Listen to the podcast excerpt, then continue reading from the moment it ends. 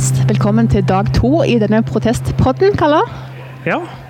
Vi har akkurat vært på debatt om ytringsfrihet og om hvordan livet er for ytringsfriheten på venstresiden. Konkret, i hvert fall. Det var hensikten. Så, så, Ja. så gikk det litt alle retninger, men, men det var jo på en måte en slags sånn overordna tema. Det var frie ytringer. Ja, det var frie ytringer. Ja. Og nå skal vi bare ta en så, et sånt grep, fordi vi kan gjøre hva vi vil i denne podkasten. Og vi har da grabba Olav Østrem eh, i Klassekampen fordi han må dra. Så nå tar vi bare går rett på intervju med han, så skal vi snakke litt om Østrem etterpå. Hva vi syns om hva han sa og sånn. Han var på vei ut, og så huka vi tak i den. Så vi tar oss den friheten, og så bare går vi rett på. Eh, velkommen til Olav Østrem. Takk, takk. Eh, du har da vært med på en samtale i dag som har følgende spørsmål som heter Er venstresida blitt en plattform for intoleranse og mangel på ytringsfrihet? Det er jo et eh, utrolig stort spørsmål, og så, skal man sitte på en måte og, og svare og være ansvarlig eh, for det. Men, men poenget er vel at i de mange debattene man ser om, eh, altså som handler om kulturspørsmål og ytringsfrihet, verdikamp osv., så, videre, så er det gjerne i, altså Det er i hvert fall et narrativ som er sånn at venstresida er veldig hissig på å begrense en del eh, ytringsrom. Det er et narrativ, sier du. Ja, altså, altså, det, det, altså det, er noen, det, er en forståelse der ute av at venstresida vil legge lokk på en del meninger og bare ha fram eh, de rette meningene. En slags sånn ja, politisk eh, korrekthet. Eh, om du det vil. Dette er jo gjerne folk fra høyresida som mener det, men eh, og eh, dette kommer jo fra USA, der cancel culture og safe spaces og den type ting ofte blir debattert. og da da er det venstresida som ofte blir eh, beskrevet som fienden. at De vil ha en sånn rettroenhet, og eh, at alle skal at alle skal være med på det, da, slik at en del stemmer blir utdefinert. Det, det er i hvert fall holdninga her, da. Ja, og Ja. det, det snakket jo Ola Grytten om litt i dag på Debatten. Han nevnte noen eksempler på det. Han jobber jo på høyskolen i Hjelp meg nå. Nei, Ja. I hvert fall på, i Bergen. Ja, på NHH Handelshøyskolen. Ja. Yes. Ja, ja. Sant? Og han snakker jo om noen eksempler på det. Eh, han snakker også i forhold til eh, statsstøtte for eh, religiøse organisasjoner som, ikke, altså, som trues med å ta fra, eh, tas fra statsstøtte fordi de mener ting som ikke liksom, er hva skal jeg si da, kosher å Mm, mene. Og mista en del oppdrag rent personlig også, skjønte jeg. Ja. Så, så er dette her reelt, da? Altså det, det er i hvert fall eh, altså det, det er jo reelt eh, helt åpenbart i, i, en, en del eh, altså akademiske kretser i USA og sikkert i England og sånn også. Men i Norge har vi på en måte ikke kommet dit helt ennå. Det har vært litt andre diskusjoner. Det er jo en eh, ansatt ved NTNU som vel mista jobben nå. Men der igjen, der var jo ytringene ganske drøye, og han var med på noen sånne Facebook-grupper som var ja, veldig over kanten. Så det var liksom jeg vet ikke helt hvor, hvor eh, parallelt den historien egentlig er, men, eh, men vi har heldigvis ikke kommet dit. Og jeg tror kanskje en av grunnene er at vi, vi snakker mye om dette her nå. Der man kanskje har sett det litt, er på Kunsthøgskolen i Oslo. Der har det vært en del diskusjoner, en del studenter som, som gjerne ville ha mer fokus på, eh, på kolonitida. Altså, og, og få en sånn aktiv dekolonisering eh, i praksis. Da, på en måte Fri oss fra de gamle stengslene der nå. eh, Og vi har ja. diskusjoner om fjerning av statuer, f.eks. Det har vi også hatt i Ja. Norge, absolutt. Det har både vært eh, Churchill og Ludvig Holberg. Eh, det er jo litt ja, eh, altså, er- Og på menighetsfak Menighetsfakultetet, der som jeg har studert siste år, så har de jo fjerna eh, gudfaren fra biblioteket.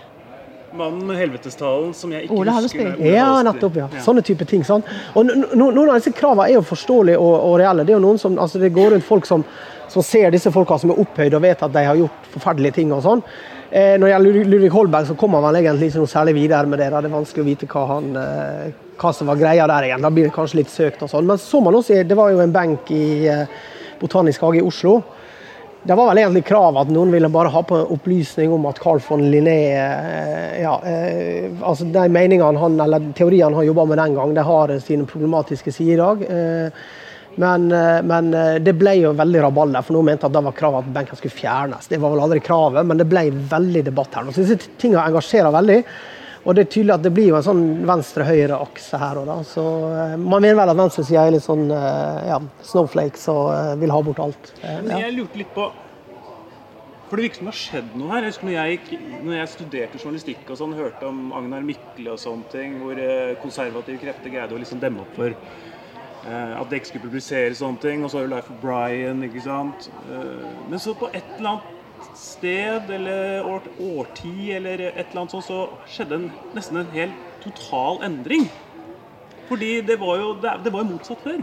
Så hva er det som har skjedd? Ja, men eh, det er det jeg tenker, Historien om ytringsfriheten er jo litt sånn, for det går jo veldig bølger her. og sånn, og Man ser jo til tider plutselig tenker man at nå skal det bli enda mer liberalt og frislipp. Da den forrige ytringsfrihetskommisjonen var i sving på slutten av 90-tallet, der ville jo ha en veldig oppmykning av feltet. Men så fikk man Benjamin Hermansen-drapet rett og 9-11, som gjør at ting endra seg litt. Plutselig ble feltet strammere igjen. Men så kom karikaturstriden med, med Selbekk her og sånn. Folk åpna seg mer igjen, var mer positive. og Nå må vi klare å la meninger altså brytes. Og så har man kanskje fått en slags sånn, om, om vi skal kalle det at det har eh, snevra seg sammen igjen. Jeg er litt usikker der. Men det er det som du sier, da, det går veldig i, i svingningene her. og sånn da. Men det, det, kan jo også bare være at folk har mer kunnskap. Vi lærer mer om, om fortida og fortidas mangler eller fortidas synder eller hva det er for noe. Så han vil kanskje prøve å, å ta, et, ta, et, oppgjør med det. da. Eh, sånn som Kolonitida er i hvert fall et sånt type der. og jeg mener Churchill har jo alltid bare vært en helt i Norge. Det er jo først når dette ble bra, man skjønte litt at han har vært med på ting som ikke er like ålreit, f.eks. i Afrika og sånn. Eh, altså etter krigen, eh, når, i Kenya og konsentrasjonsleirer og sånn. Så det, man lærer mer av dette og da, da det, gjør man da kanskje noen grep. da. Kan det være at det er en maktforskyvning? Altså at det var de konservative som satt i de rette rådene før, som vurderte dette, og nå er det kanskje 68-erne som sitter de, i de samme rådene og vurderer og basen er innafor utafor? Det, det, er i hvert fall helt åpenbart at eh, sånne endringer og opprør og sånn, det kommer jo gjerne fra typisk sånn, ja, sånn som Kunsthøgskolen. Altså, den, den, type folk sånn, som ligger litt i front og følger litt med og sånn, de er i hvert fall tidlig ute, eh, progressive og vil ha en form for endring. Det, det, kommer gjerne derfra. Sånn, altså. Så er det noen som holder igjen, da. Men, ja. Det er jo lett å si liksom, bare at man kaller dette for krenking. Altså nå må krenkehysteriet ta slutt. Sier jo en politiker i, i, i, mediene ofte. Og det er jo på en måte en måte å stemple noen i en debatt og si at dette er hysteri. Ja, ja, det er jo, det er jo maktbruk, det òg, men eh, vi, er, tenker vi er sånn alle sammen. Vi er dårlige og, og gode om hverandre. og sånn, altså, Men dette er, dette er, jo en type å bruke språket da, som, som, makt på en måte, og sette noen på plass. helt klart da. Men Svein Inge sa jo i går på, i podkasten vår at det, det har blitt vanskeligere å få folk på venstresida til å stille opp eh, i denne festivalen. Fordi at eh, de vil ikke bli assosiert med folk som de synes, har meninger de syns er for, forkastelige. Ja, sånn ja. For det her er litt sånn, her skal man ha sånn eh, vaksinemotstand og chartersveien. Og, ja, ja, men det, det, er litt sånn rart. Men, er det høyresida som på en måte blir da eh, syndebukken? Er det u politisk ukorrekt da, å være eh... ja, det, det, det, der er faktisk veldig interessant. Det kan ikke komme helt svar på. Men jeg vet jo at altså den, det venstreside som jeg tilhører, Klassekampen, Eh, vi blir ofte beskyldt for å slippe til for mange. Så Vi er en litt annen tradisjon igjen. Sant? For vi har, vi har vært ledet av redaktører som gjerne vil ha alle mulige stemmer inn. Og eh, OK, vi er uenige, men få høre hva man mener. I hvert fall. Det har vært linjer der, og politikken hele tida. Absolutt. Så det er liksom, I Klassekampen i hvert fall, så det det, det, ligger liksom i vårt DNA. Men uh, jeg kan ikke svare på vegne av hele venstresida. Så den politiske korrekte eliten, er det, den, er det liksom sentrum, det da?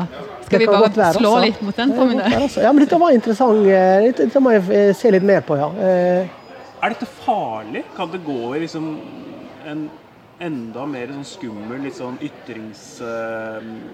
At ytringsrommet blir mindre og mindre og mindre og sånne ting, eller er det ikke noen grunn til bekymring? Jo, absolutt grunn til bekymring, og det vi ikke snakker om som jeg er veldig bekymra for, det er jo det at vi alle blir mer og mer forutbestemt, forutinntatt. Og Vi leser de kildene vi er enig i, vi hører på de folka vi er enige om. sikkert vi har bestemt oss på forhånd. Altså Er det en debatt eller et stridsspørsmål du blir bedt om å ta stilling til, så gjør du gjerne det før du kjenner fakta. Du, du kan bare se på aktørene. Så kan du se ja, er det den jeg holder med. Den har rett, helt sikkert. Dette er det jeg skal mene om dette? Ja, det er sånn, jeg kjenner meg sjøl igjen også. Jeg er blitt veldig dårlig. Vi har mista litt sånn nysgjerrighet her nå, og vi hører altfor mye på de vi er enige med. Så vi må bli flinkere til å høre på de andre. Og Derfor bør jo folk komme hit.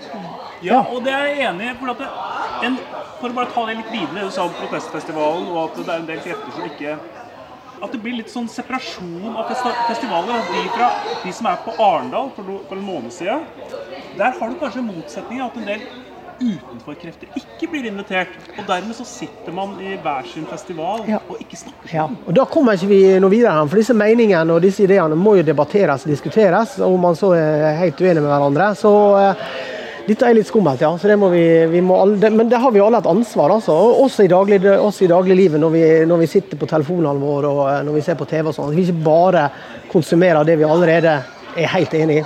Og Det du er ekspert på i denne boka, her, er jo hatefulle ytringer. altså Det som faktisk ikke er lov. Men det er jo mange ting som er lov, som kanskje ikke er så sunt for samfunnet. Det kan godt være. da. Nei, altså her ser, her ser jeg på det som er, er, er straffbart og ikke. og Det er jo en helt spesifikk grense. Men, eh, men det er klart, det er jo en del ting som, som ligger tett opptil, som også er veldig, eh, veldig farlige. Og Det, det er derfor jeg tenker at folk må vite litt om de grensene her i straffeloven. Så kan jeg på en måte ta med de grensene inn eh, altså på de tingene som er lovlige, og så vil vi ha litt av de samme vurderingene i bånn. Sånn som at det er snakk om emne og sak, ikke drive og snakke så mye om person. Da er man kommet langt på vei. Tusen takk. Olav Østrem, stemmer ikke det? Fantastisk. Det var veldig spennende, Kalla. Ja, og nå kan vi senke tempoet litt, grann, for da hadde vi, da hadde vi dårlig Ja, tid. Da vi, da vi jagda ned og fikk has på den. Ja. Det var eh, Det var mye med den debatten før i dag som jeg føler liksom er kanskje sånn sentralt for hele protestfestivalens liksom, idé, tenker jeg. Mm. Jeg, jeg kjenner også at dette går rett inn i DNA-et med Jeg føler nesten det er klisjé å bruke de ordene nå, men liksom ytringsfrihet og hva man kan si og ikke si, og kansellering og alt det greiene der. Ja. Og jeg, jeg tenkte litt på Når vi satt og hørte på denne debatten her um, for et par timer siden, så ble du urolig, merker jeg. Og det var, det Du merker du det? ja, det merka jeg veldig godt. Uh, og, og du, og så etter hvert så begynte du å snakke om han Ola Grytten, Ja. som fortalte litt grann om, om hvordan han har sett kolleger i akademia f.eks. bli kansellert eller eh, miste muligheter fordi de har sagt ting om at det fins to kjønnbare eller sånne ting i både inn- og utland. Og så har han mista da mulighet Han har mista oppdrag selv òg, fordi, ifølge han selv, eh, fordi det han mener. Han er da, han er da en kristen. Uh, Ja, og han og nevnte du- også uh, et bedehus på Klepp. Um, som er vel drevet av Norsk Luthersk Misjonssamband, der kommunestyret har vurdert å trekke statsstøtten til ja, Selbekk nevnte det. Vebjørn Selbekk. ah, Det var Selbekk som nevnte det. Ok, ja, Som, som, som, eh, som kommunestyret da vurderte å, å, å trekke støtten til Det er ungdomsklubben Mm. som, som eh, ble drevet av, av Misjonssambandet pga. deres samlivssyn. Ja, ikke sant. Det er fascinerende at du jeg, jeg følte jo ingenting. Dette er straight forward. Mens du syns dette var litt sånn smertefullt å høre på. Altså, men det handler kanskje litt om min bakgrunn, da. At det, jeg har jo på en måte um, sjøl vokst opp i et kristent miljø der liksom em, man I det miljøet så blir jo det majoriteten. Altså Det man skal mene da, er jo på en måte konservative holdninger til homofili, til abort, eh, liksom, eh, familieverdier eh, eh, ja. Og det, det er på en måte Internt i denne skolen eller dette bedehuset. Ja, så er det dette vi mener. Mm. Og det er jo også en form for em, ikke, Om ikke offisiell tankekontroll, så i praksis så kan det jo virke sånn. Og når på en måte da kristne folk skal liksom være veldig sånn eh, Reagere veldig på at eh, folk i storsamfunnet på en måte reagerer på det som storsamfunnet opplever som diskriminerende holdninger, så er det veldig vanskelig for meg å ha sånn enormt masse sympati. Selv om jeg forstår at det er viktig at folk må få lov til å ha holdninger og meninger.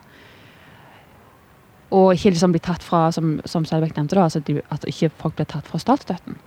Pluss at jeg tror jo at hvis man faktisk har med eh, trossamfunn å gjøre der man sjøl mener at trossamfunnet står for ting som ikke er bra, så mener jeg det dummeste man kan gjøre, er å ta fra de statsstøtten. fordi da lukker de seg kanskje bare enda mer inne og får forsterka denne følelsen av at alle er mot oss, og det er bare vi som har rett. En sånn radikaliseringseffekt. da.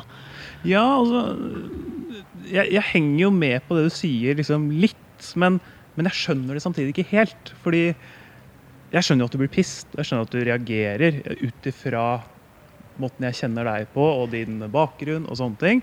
Så skjønner jeg at liksom, Grytten kan liksom, virke provoserende ut fra liksom, hans Altså, meninger om livet. Men, men, men, men, men så kommer det liksom til det steget hvor man vil kansellere. eller Du får ikke lov å få dette oppdraget her lenger. ja, Fordi det det, er jo helt drøyt. Det, det er jo liksom- jeg også blir kan jo bli veldig provosert over andre mennesker ut fra mine holdninger og synspunkt. Så er det enkelte mennesker som provoserer meg. Men jeg ville liksom aldri tenkt den person må aldri få lov å snakke igjen. I hvert fall ikke i større Nei, men det mener ikke jeg. Men jeg mener jo heller ikke det. Men kanskje blir det litt sånn at jeg lukter kristenmannsblod, da. Altså blir jeg litt av og til litt sånn Kan ikke folk bare liksom mene det de mener, tro på det de tror? Men hvorfor skal de plent liksom insistere på at dette er noe som storsamfunnet er nødt til å liksom gå med på, hvis argumentasjonen er at dette er fordi jeg er kristen? Der er det kanskje liksom skoen trykker litt for meg, da. At en må liksom tåle at, at liksom Nei, men vi tror ikke på Gud sånn som du gjør, og da kan ikke vi bare liksom kjøpe din argumentasjon. Eller, vi, eller at det liksom Også den litt sånn klamme følelsen en kan få noen ganger av at kristne, eller religiøse generelt, er veldig sånn opptatt av å liksom dytte sine verdier på andre. da, Og at de liksom har en liksom besserwisser-rolle. Og det er bare sikkert fordi at jeg kommer fra et sånt miljø der kanskje det har vært litt eh, den følelsen jeg har hatt, og fordi jeg sjøl har på en måte Nå har ikke snakket så mye om det, men eh, men hvem jeg er. Sant? Du jobber i dagen. Jeg har vært kjempekristen. Eh, Jeg har stått på gata og vært gatemisjonær eh, i min ungdom. Og, eh, så har jeg på en måte forlatt det miljøet veldig, da. Og, og liksom, kanskje jeg er litt sånn ekstra obs på sånne ting av det, som kanskje er urettferdige for religiøse. Jeg er jo helt Ja, for jeg tenker liksom Jeg skjønner jo godt, Men jeg blir liksom en gang litt sånn opptatt av det prinsipielle her, hvor For jeg tenker at det til syvende og sist vi føler til veldig, sånt, et veldig lukket samfunn, hvor eh, hvor folk med tydelige synspunkter, og kanskje til og med langt på venstresida eller høyresida eller kristne eller sånne ting, at de, ikke, at de helst ikke skal ytre seg. Jeg tenker at det er jo for Jeg får inntrykk av at det du, måtte prøve å si at det er irriterende når de har et behov for å prakke på andre eller, eller mene noe høylytt. Men, men gjelder, skal det ikke være plass til det uavhengig av liksom holdninger fra liksom alle bauger og kanter? da, At det er, det er rett og slett nødt til å være sånn. Vi har ikke noe bedre løsning. Jeg tenker jo liksom, samfunnet i dag så føler jeg at det er andre ideologier som, som roper høyere. da. Jeg tenker på den der Extinction Rebellion bare for i forrige uke. Det er jo vitenskap, Kalla. Den gjengen der. Jeg veit ikke om vitenskap er det første jeg tenker på. Men, eh, men de er veldig glad i dans og kultur, da. Og har veldig sterke meninger. Og det liksom Da kan jo jeg tenke at ah, den gjengen der irriterer meg, de burde holde kjeft, de burde ikke si noe som helst. Men jeg tenker at jeg, jeg, Selv om jeg syns de er rare, så vil jeg at de skal få lov, liksom. Ja, men jeg er jo ikke imot Jeg er selvfølgelig helt enig i det Grytten sier om at vi kan ikke drive liksom Mm. no-plattforme folk som mener ting vi er uenig i. Og vi skal ikke ta fra folk akkurat som jeg sa da, vi skal ikke ta fra folk statsstøtten selv om vi er uenige med dem. Men, jeg, men det er ikke nødvendigvis men det mener jeg også på et sånn rent sånn samfunnsperspektiv, at det er lurt å prøve å inkludere folk. Fordi jeg tror det er bra. For du snakker for for mer med hjertet, med at det følelsesmessig så er det irriterende, liksom. Jeg tror bare at eh, vi skal ikke undervurdere eh, hvor mye følelser som ligger i dette, og at folk som tror at de er en minoritet eh, Jeg er veldig opptatt av at eh, samfunnsdebatt er veldig full av følelser, selv om vi gjerne tenker og liker å si at den er veldig rasjonell. Men folk mener ting veldig ofte fordi de er født inn i en mening, eh, eller de har opplevd et eller annet som gjør at de mener det. Og at når vi diskuterer sånne ting som dette, så er det så mye sterke følelser som ligger i bånn for det folk mener, at vi må sånn kanskje senke tempoet bitte litt, da. Mm. Det er kanskje det som er litt min kjepphest. Eh, at, at grunnen til at jeg blir, blir provosert, det er ikke fordi at jeg er den rasjonelle og har svar på dette, men det er fordi jeg har personlige erfaringer med et, et miljø som jeg har opplevd som diskriminerende. Og Mm. da er det vanskelig for meg emosjonelt å sitte og høre på at å, nå føler de seg veldig diskriminert. Ja. Men det er ikke fordi at jeg forst- liksom har svar på dette. Nei, og det er interessant at du sier det, og da lurer jeg litt på hvordan kan en person som Grytten, eller en annen person som da har eh, kristenkonservative meninger, da, er det mulig for den personen å uttrykke seg, våge å være seg selv, og samtidig at det ikke irriterer deg noe voldsomt? Altså, altså, jeg spør om gode råd her. altså, altså, eh, Vi får spørre lytterne. Ring inn, ha noen forslag. ja, men jeg blir litt sånn nysgjerrig, for jeg har ikke Jeg har ikke lyst til å tråkke på folk, liksom. Og hvis det er mulig for meg å ikke gjøre det, og samtidig kunne være tro til meg selv, Ja. så har man jo lyst til det. Så hva er det liksom Eller har- er det hold kjeft, og det er det beste? Nei, det tror jeg ikke. Men jeg tror jo veldig på Jeg ønsker meg jo en empatirevolusjon i samfunnet vårt. Der vi kanskje En partirevolusjon? Nei, en empati. Empatirevolusjon? Ja, okay. Ja, det er noe annet. Fordi jeg tror at eh, meninger er overvurdert. Jeg tror at vi eh, hadde hatt godt av å bli litt mer kjent med hvorfor den enkelte mener ting, istedenfor å krangle så veldig om den tingen. Og da sier jeg jo egentlig det som er på en måte noe som er motsatt av det som, som ble sagt på debatten før i dag, at vi må alltid snakke om sak og ikke person. Men jeg tror egentlig at det hadde vært godt å roe litt ned og også snakke litt om person. Hvem er du? Hva har du opplevd? Hvorfor, hva er bakgrunnen for at du står i dette og mener dette? Og da trenger ikke folk nødvendigvis bli enige om liksom, konklusjonen. Men bare liksom å forstå litt hvor folk kommer fra, tror jeg bare kan gjøre at vi kan Ja, at jeg tror hvis poenget er at folk skal få andre til å endre standpunkt, så tror jeg det er der vi må. Først og fremst. Fordi som sagt, jeg tror at, det, at samfunnet er mye mindre rasjonelt enn det vi liker å tenke. Nå begynner jeg å prøve å få sånn, jeg begynner å få sånne bilder og tanker i huet. jeg. Nå jeg prøver å se for meg sånn Dagsnytt 18 i sånn empativersjon. Hvor det, er, hvor, hvor det er ikke meninger, men empati som er i fokus. Uh, det er derfor jeg liksom, I praksis så klarer jeg ikke helt å se for meg hvordan dette skal se ut. Men det er jo eh, spennende tanker, da. Altså, jeg eh, fikk jo kjeft i sommer em, fordi at jeg em, skrev en kommentar i VG. Fordi du jobba som debattleder i Ja. VG i sommer. Ja. Du var eh, da sommervikar. Yes. Ja. Det er jo en ganske gøy, gøy ting å ha, som- være sovevikar som. Definitivt. Um, og, og ganske sånn hårete for meg å gjøre, fordi at um, Ja, jeg har bare vært journalist, på en måte, alltid stilt spørsmål og, og fått andre til å fortelle om hva de mener, og så skal jeg plutselig liksom uh, mene ting. Uh, veldig uvant for meg, og, og litt skummelt. Ganske skummelt. I VG, liksom. I VG. Da har du et større publikum.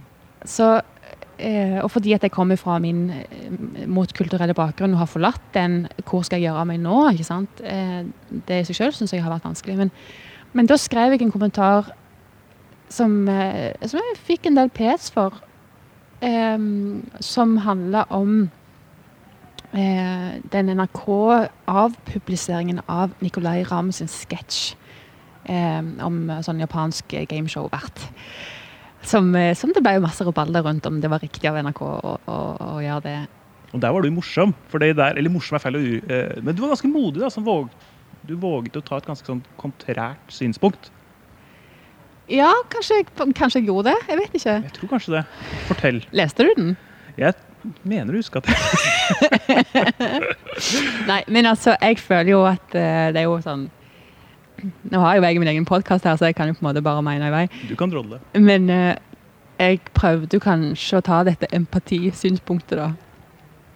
Eh, Du praktiserte Jeg den varianten. praktiserte det, og jeg er ikke sikker på om det nådde helt gjennom. Fordi at eh, mitt poeng var ikke nødvendigvis Det var bra at NRK avpubliserte. Eh, det skrev jeg aldri. Eh, men det var kanskje sånn det ble lest. Fordi at jeg sa liksom ehm, kan, Er det her et godt tidspunkt der vi kan liksom stoppe på ting og ta inn det disse folkene prøver å si, som kjenner seg støtt av den sketsjen? Eh, og så kan vi på en måte stoppe Og så kan vi bare altså, bruke litt tid på det. Ta det inn. Og så ikke være så kjappe med å måtte bestemme oss for hva NRK skal gjøre. For det mener jeg er litt sånn De kommer litt lenger ned i løypa. Når en først på en måte har en situasjon der mange forteller om, de, en systematisk diskriminering av folk med asiatisk bakgrunn. Og det har ikke jeg vært klar over. Og jeg har sikkert vært eh, på en måte ja, mine skylapper og følt på min egen liksom eh, eh, kamp for å, for være den jeg er i, i mitt eget liv. da. Men, jeg men jeg, det var noe der jeg kjente igjen. Eh, og jeg kjente igjen den der følelsen som jeg kanskje kan ha fått noen ganger fra liksom, et kristent miljø. Da, liksom, men dette må du jo bare tåle. Eller dette er jo liksom Vi kan jo ikke drive og ta hensyn til dine følelser rundt liksom, alt mulig. Og, og det tenker jeg ah, det er så bortkasta å liksom bare lande der. For det koster noe å si ifra om noe du syns er vanskelig. Og det i seg sjøl syns jeg er en verdi, da.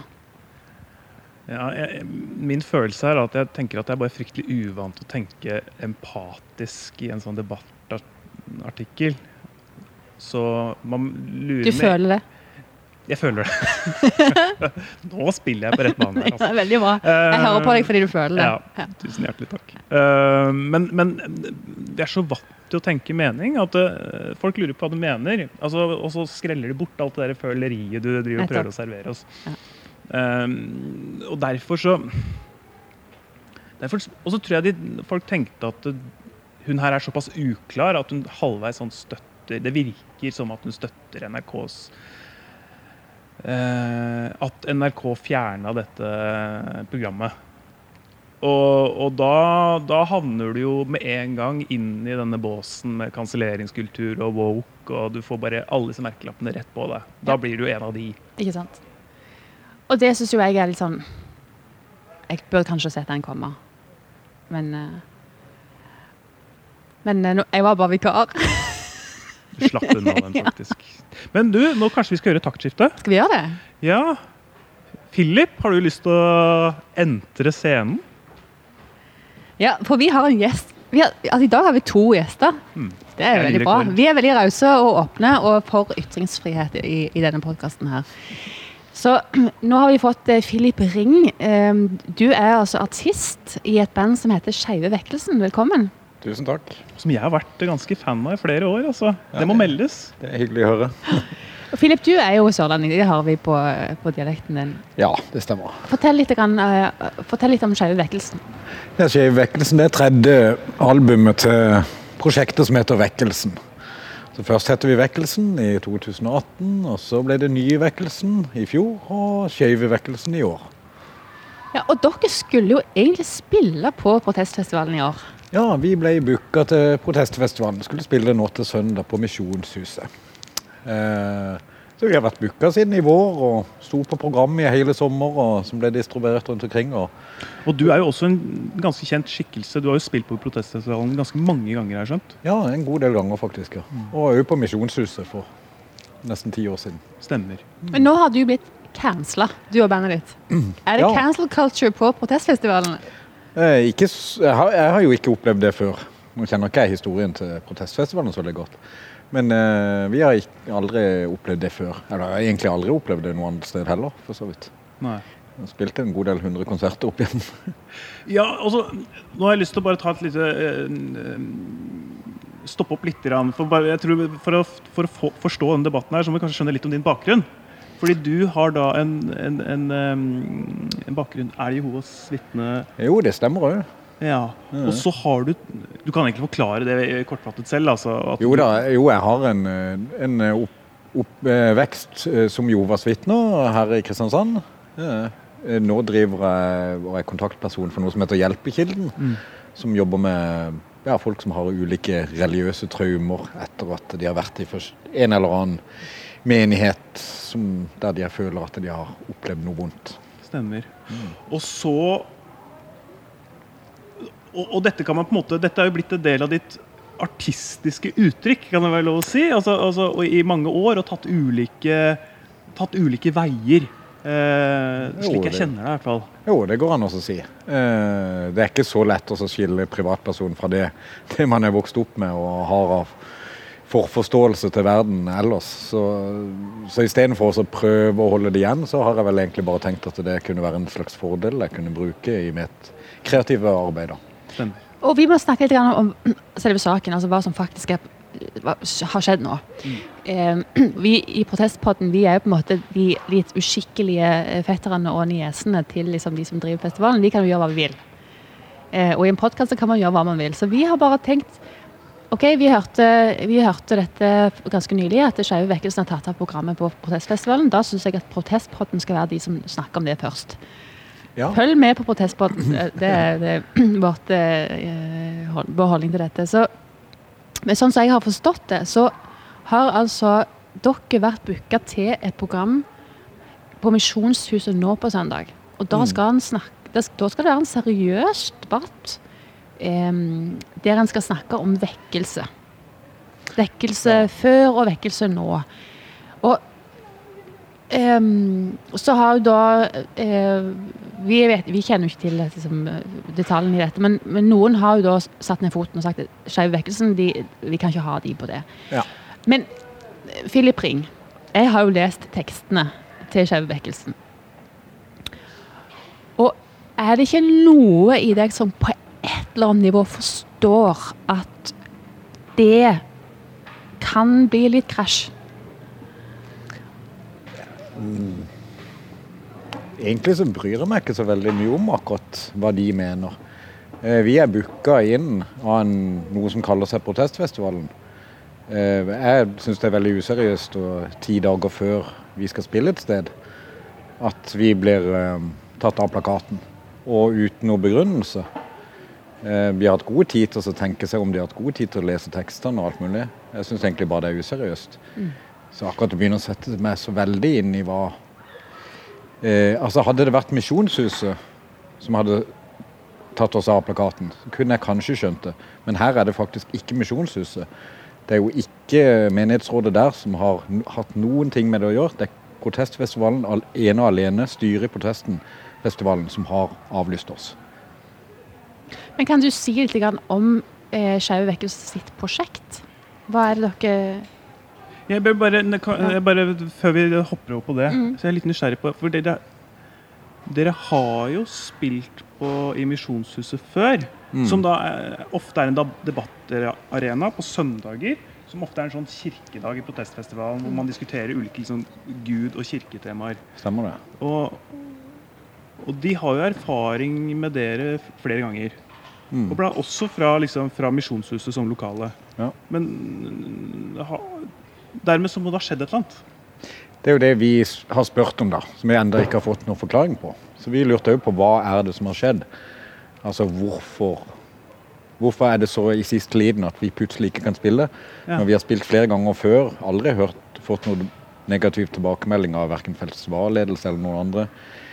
Så sist vi spilte i Frikirka, så da var jo Rune Edvardsen der og delte bilder av oss på sin personlige Facebook. og eh, så eh, Vi hadde bare rett og slett aldri, eller så langt ikke opplevd at det var noen som hadde reagert negativt på, på, på det vi gjør, da.